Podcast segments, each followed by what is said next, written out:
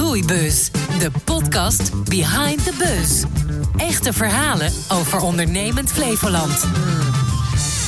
Welkom bij Groeibus, de pot- en podcast voor de Flevolandse ondernemer die graag oplossingen heeft voor actuele MKB-vraagstukken en graag inspeelt op groeikansen in de regio. Ik ben Ronald de Voert, de host van deze sessie. En vandaag zijn aangeschoven Marcel Henriquez, managing director bij Redata Group. En Anko van Vliet, oprichter van Luxonos. Welkom in de studio allebei. Dankjewel. Dankjewel. We gaan uh, zo dadelijk een aantal zaken natuurlijk bespreken wat leeft hè, binnen het MKB-gebeuren waar jullie ook in zitten. Om even te beginnen allereerst. Ik las onlangs dat ongeveer 40% van de MKB-ondernemers zich zorgen maakt over het hoge ziekteverzuim in de business. Hoe zit dat bij jullie, Anko? Valt hartstikke mee. Gaat goed.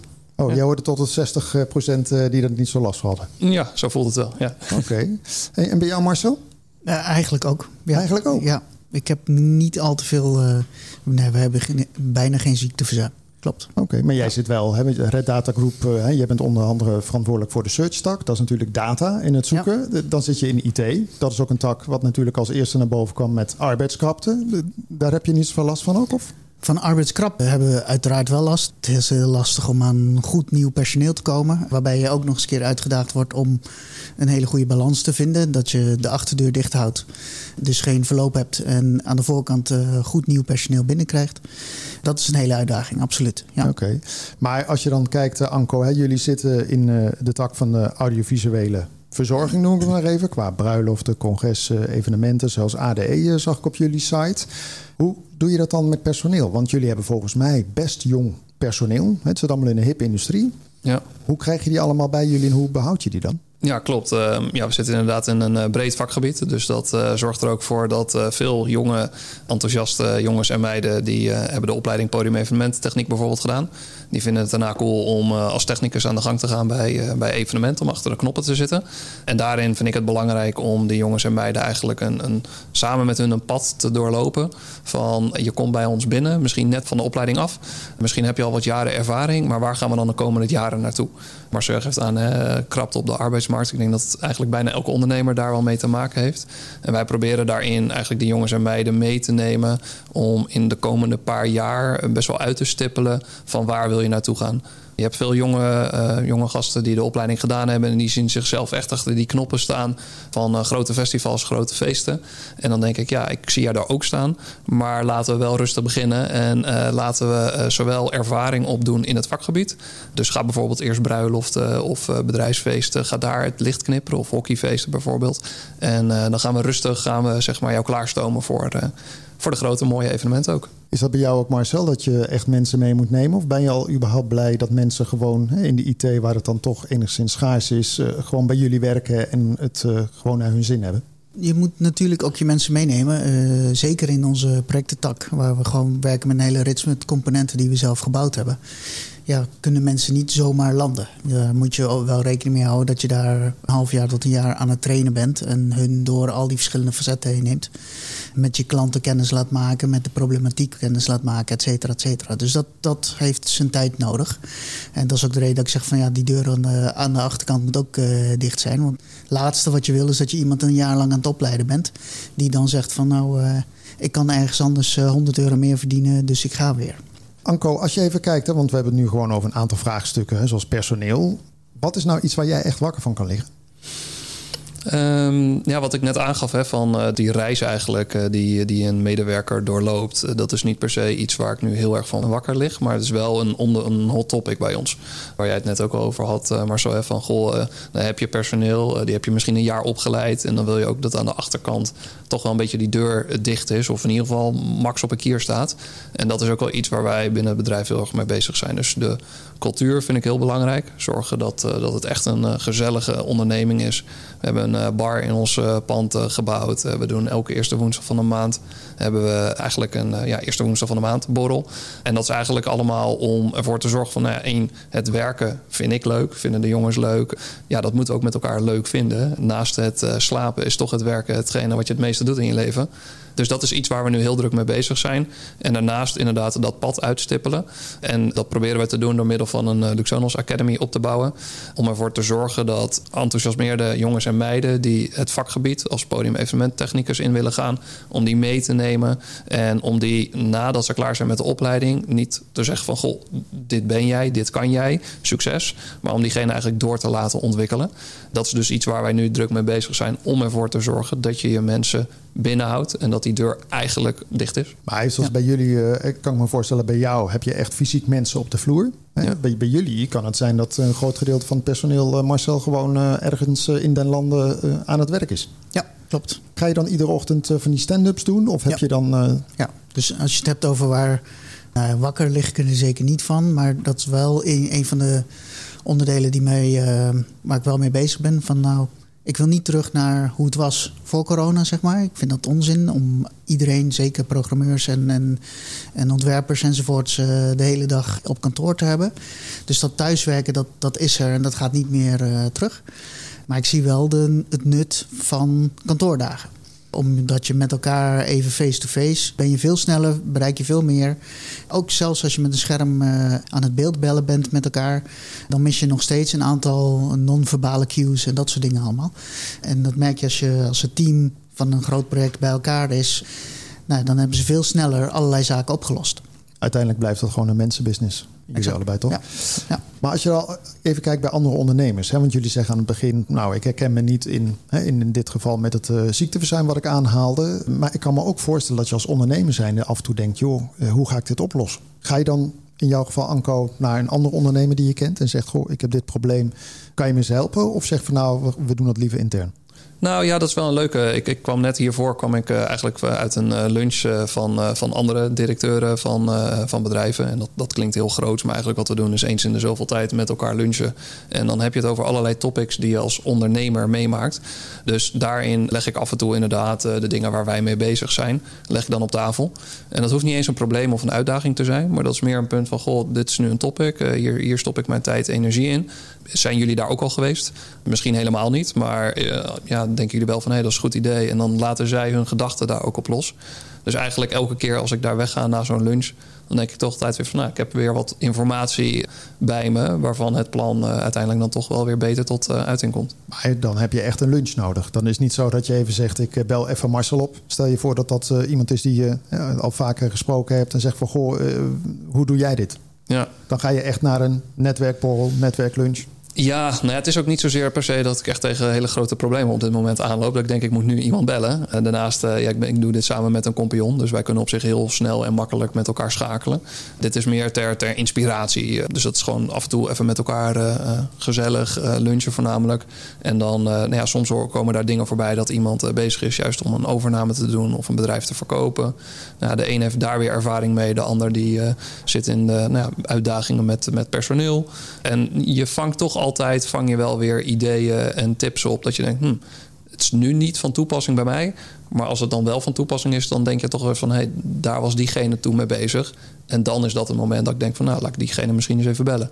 Hoe is dat bij jou, Marcel? Nou, volgens mij, wat ik, wat ik Anko eigenlijk hoor zeggen... is je hebt een soort van inner circle... en je hebt een, daar een ring van andere ondernemers omheen. En ik denk dat je na gelang van tijd leer je een aantal mensen kennen waarvan je weet van nou, daar kan ik, kan ik zonder problemen altijd mee sparren, zoals we dat dan in Nederland noemen, om tot oplossingen te komen. En vaak is het heel handig om dat gewoon vrij geregeld te doen. Maar doe je dat ook? Ja, ja, absoluut, absoluut. Ja, wat dat betreft ben ik van nature ben ik vrij open. Misschien af en toe een beetje te. Maar ik heb wel echt wel een aantal mensen waar ik, waar ik gewoon geregeld mee kan sparren om te kijken van nou, hoe kan ik hiermee omgaan, hoe kan ik daarmee omgaan. Uh, en of dat nou gaat om het aannemen van mensen, om het gemotiveerd houden van mensen, financiële uitdagingen, dat maakt niet zoveel uit. Dat, dat, daar heb je altijd wel een, een groep voor uh, mensen om je heen. Ja, absoluut. Dus jij bent eigenlijk eerder geneigd om dat zo van buiten zeg maar, naar binnen te halen. Terwijl jij zegt van nou, we zitten intern hè, met je compagnon. Terwijl Red Data uiteindelijk een best groot bedrijf is natuurlijk. Ja, ja. Maar goed, ik, ik zeg ook niet dat dat niet binnen Red Data Nee, nee, nee, maar het is wel mooi dat je er heel erg open voor staat, laat ik het zo zeggen. Ja, ja. Dus, uh, okay. wat, wat, wat Anko aangeeft, ik ben vroeger ook vaak in die netwerkborrels geweest enzovoort. En dat kan heel inspirerend zijn. Hè? Als je daar, het hoeft niet zo te zijn dat iedere lunch gelijk inspirerend is. Maar het kan heel goed zijn. En daarom ga ik er ook wel graag altijd naartoe. Het kan best wel heel inspirerend zijn dat iemand een totaal onverwachte invalshoek uh, kiest om hetzelfde probleem op te lossen waar je zelf eigenlijk al drie keer tegen de muur aangelopen bent. En daarvoor zijn dat soort dingen eigenlijk wel, uh, wel heel nuttig. Ja.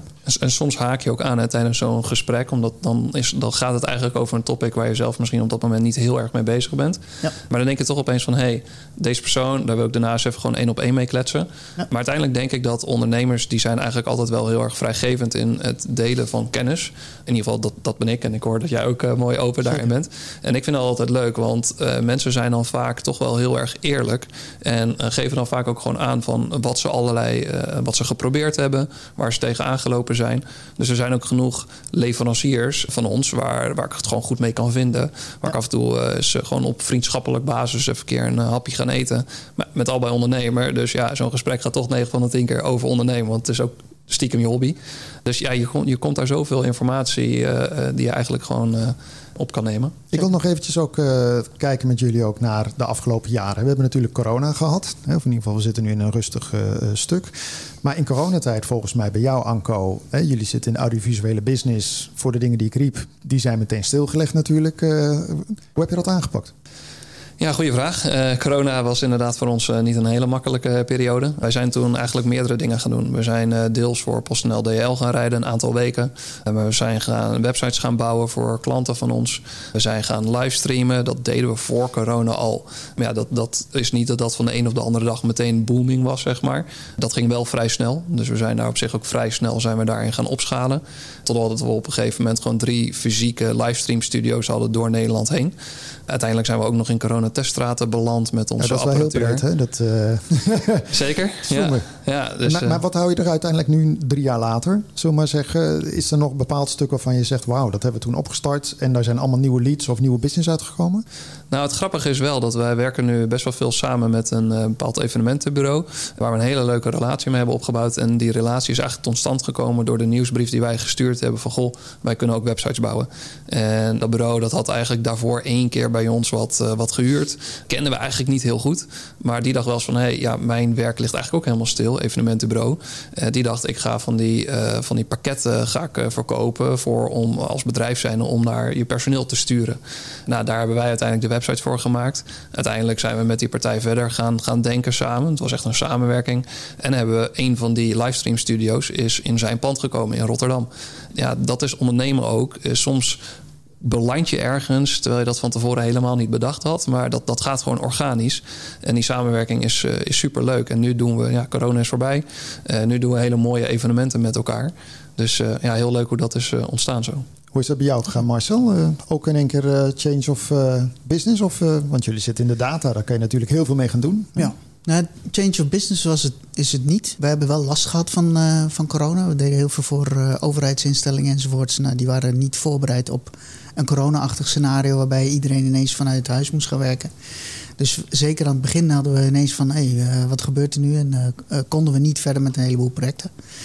Nou, dat heeft uiteindelijk meer voor ons in ieder geval ertoe geleid... om een aantal dingen intern gewoon op te pakken beter uit te werken. Eh, een heel groot voordeel vond ik in ieder geval van corona was dat mensen bereikbaar waren.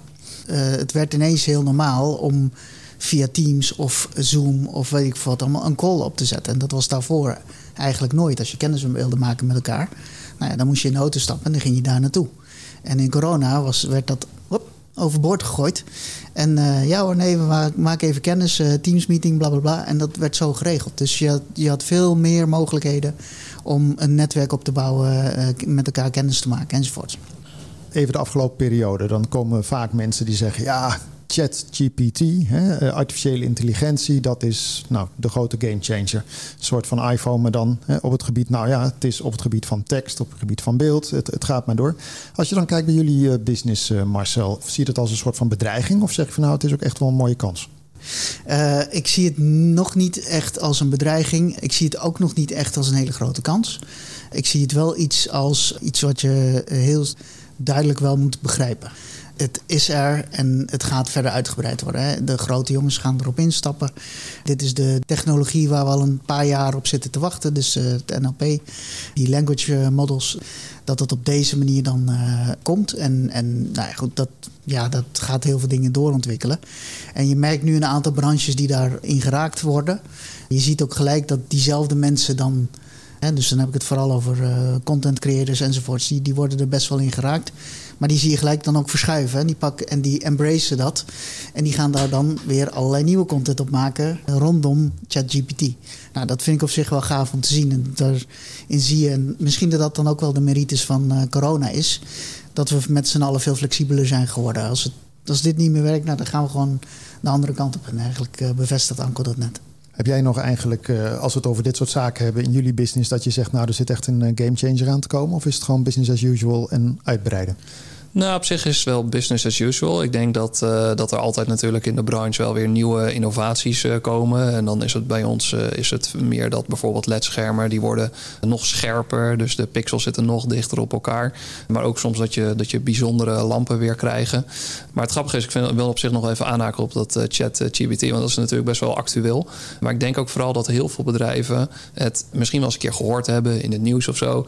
Maar dat het een beetje vaag is. En eigenlijk zou ik heel veel bedrijven eigenlijk willen eh, ertoe aanzetten van ga er eens naartoe, kijk eens wat je ermee kan. Want ik denk dat bijna elk bedrijf uh, er wel wat uit kan halen. Uh, we hebben ook een, een webshop. met die webshop proberen we eigenlijk apparatuur heel toegankelijk te maken voor particulieren om dat te huren. Maar ja, daar moet ook tekst bij het product komen te staan. Ja, wat voor tekst ga je daar neerzetten? Ja, ik, ik, zeg nu tegen ChatGPT, het moet in Jip en Janneke taal, graag zoveel woorden. En kan je dit benadrukken? Daar komt de tekst uit. Dat wordt gecontroleerd door iemand van ons. En we denken, hey, top, dat is mooie tekst.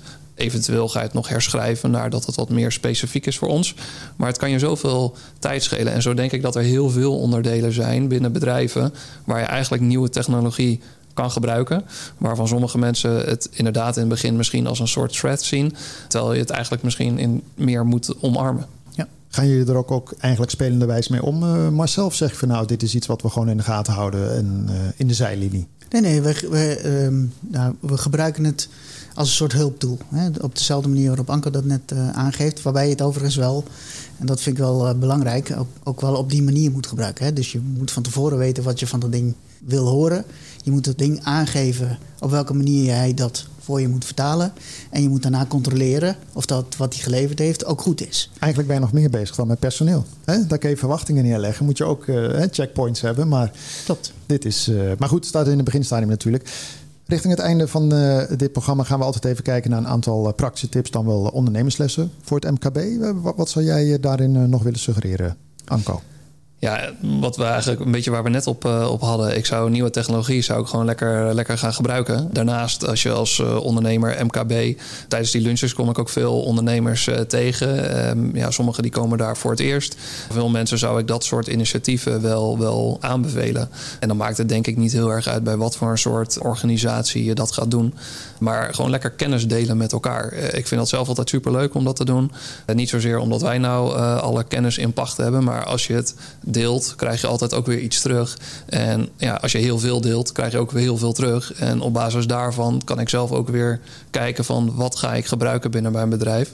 En ja, welke informatie bedank ik dat ik het heb gehoord en, en zet ik heel veel aan de zijlijn. Maar het is heel leuk om, om uh, lessen en om uh, adviezen te krijgen van andere collega's. Dus ik zou vooral dat adviseren van ga gewoon lekker door met waar je mee bezig bent, maar praat met andere collega-ondernemers.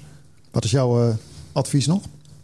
Ik zie je heel erg eh, hard schudden, dus uh, wellicht ik, hetzelfde. Ik onderschrijf dit, waarbij ik in... in ik heb wel geleerd dat je niet moet verwachten... dat je ook daadwerkelijk iets uit zo'n verhaal krijgt. Hè? De, mm -hmm. alles wat je krijgt, wat, wat je kunt gebruiken, is meegenomen. Eigenlijk als je er op die manier ingaat... dan is het altijd dus meer dan je verwacht had. Ja. Dus dat is altijd mooi. Ik, nou ja, voor ons, en ik denk dat dat voor heel veel bedrijven geldt... ik merk het ook bij dus wij doen projecten, maar wij doen ook detachering. Ik merk het ook bij de detachering klanten die we hebben. Iedereen is nog op zoek naar dat nieuwe hybrid werken. En ik denk dat daar, nou, daar, daar gaan nog veel dingen waarschijnlijk gebeuren in de, in de komende periode. En daar is denk ik ook heel veel te bereiken Als je het hebt over personeel behouden, personeel aantrekken, om daarin de goede dingen te doen voor je personeel. Hartelijk dank voor het prettige gesprek allebei. Marcel Henriques, Managing Director bij Red Data Groep en Anko van Vliet, oprichter en eindbaas van Luxonos. Jij bedankt voor het kijken, dan wel het luisteren naar deze aflevering van Groeibus. Wil je meer informatie? Kijk dan even op de site van Horizon Flevoland. Graag tot de volgende keer.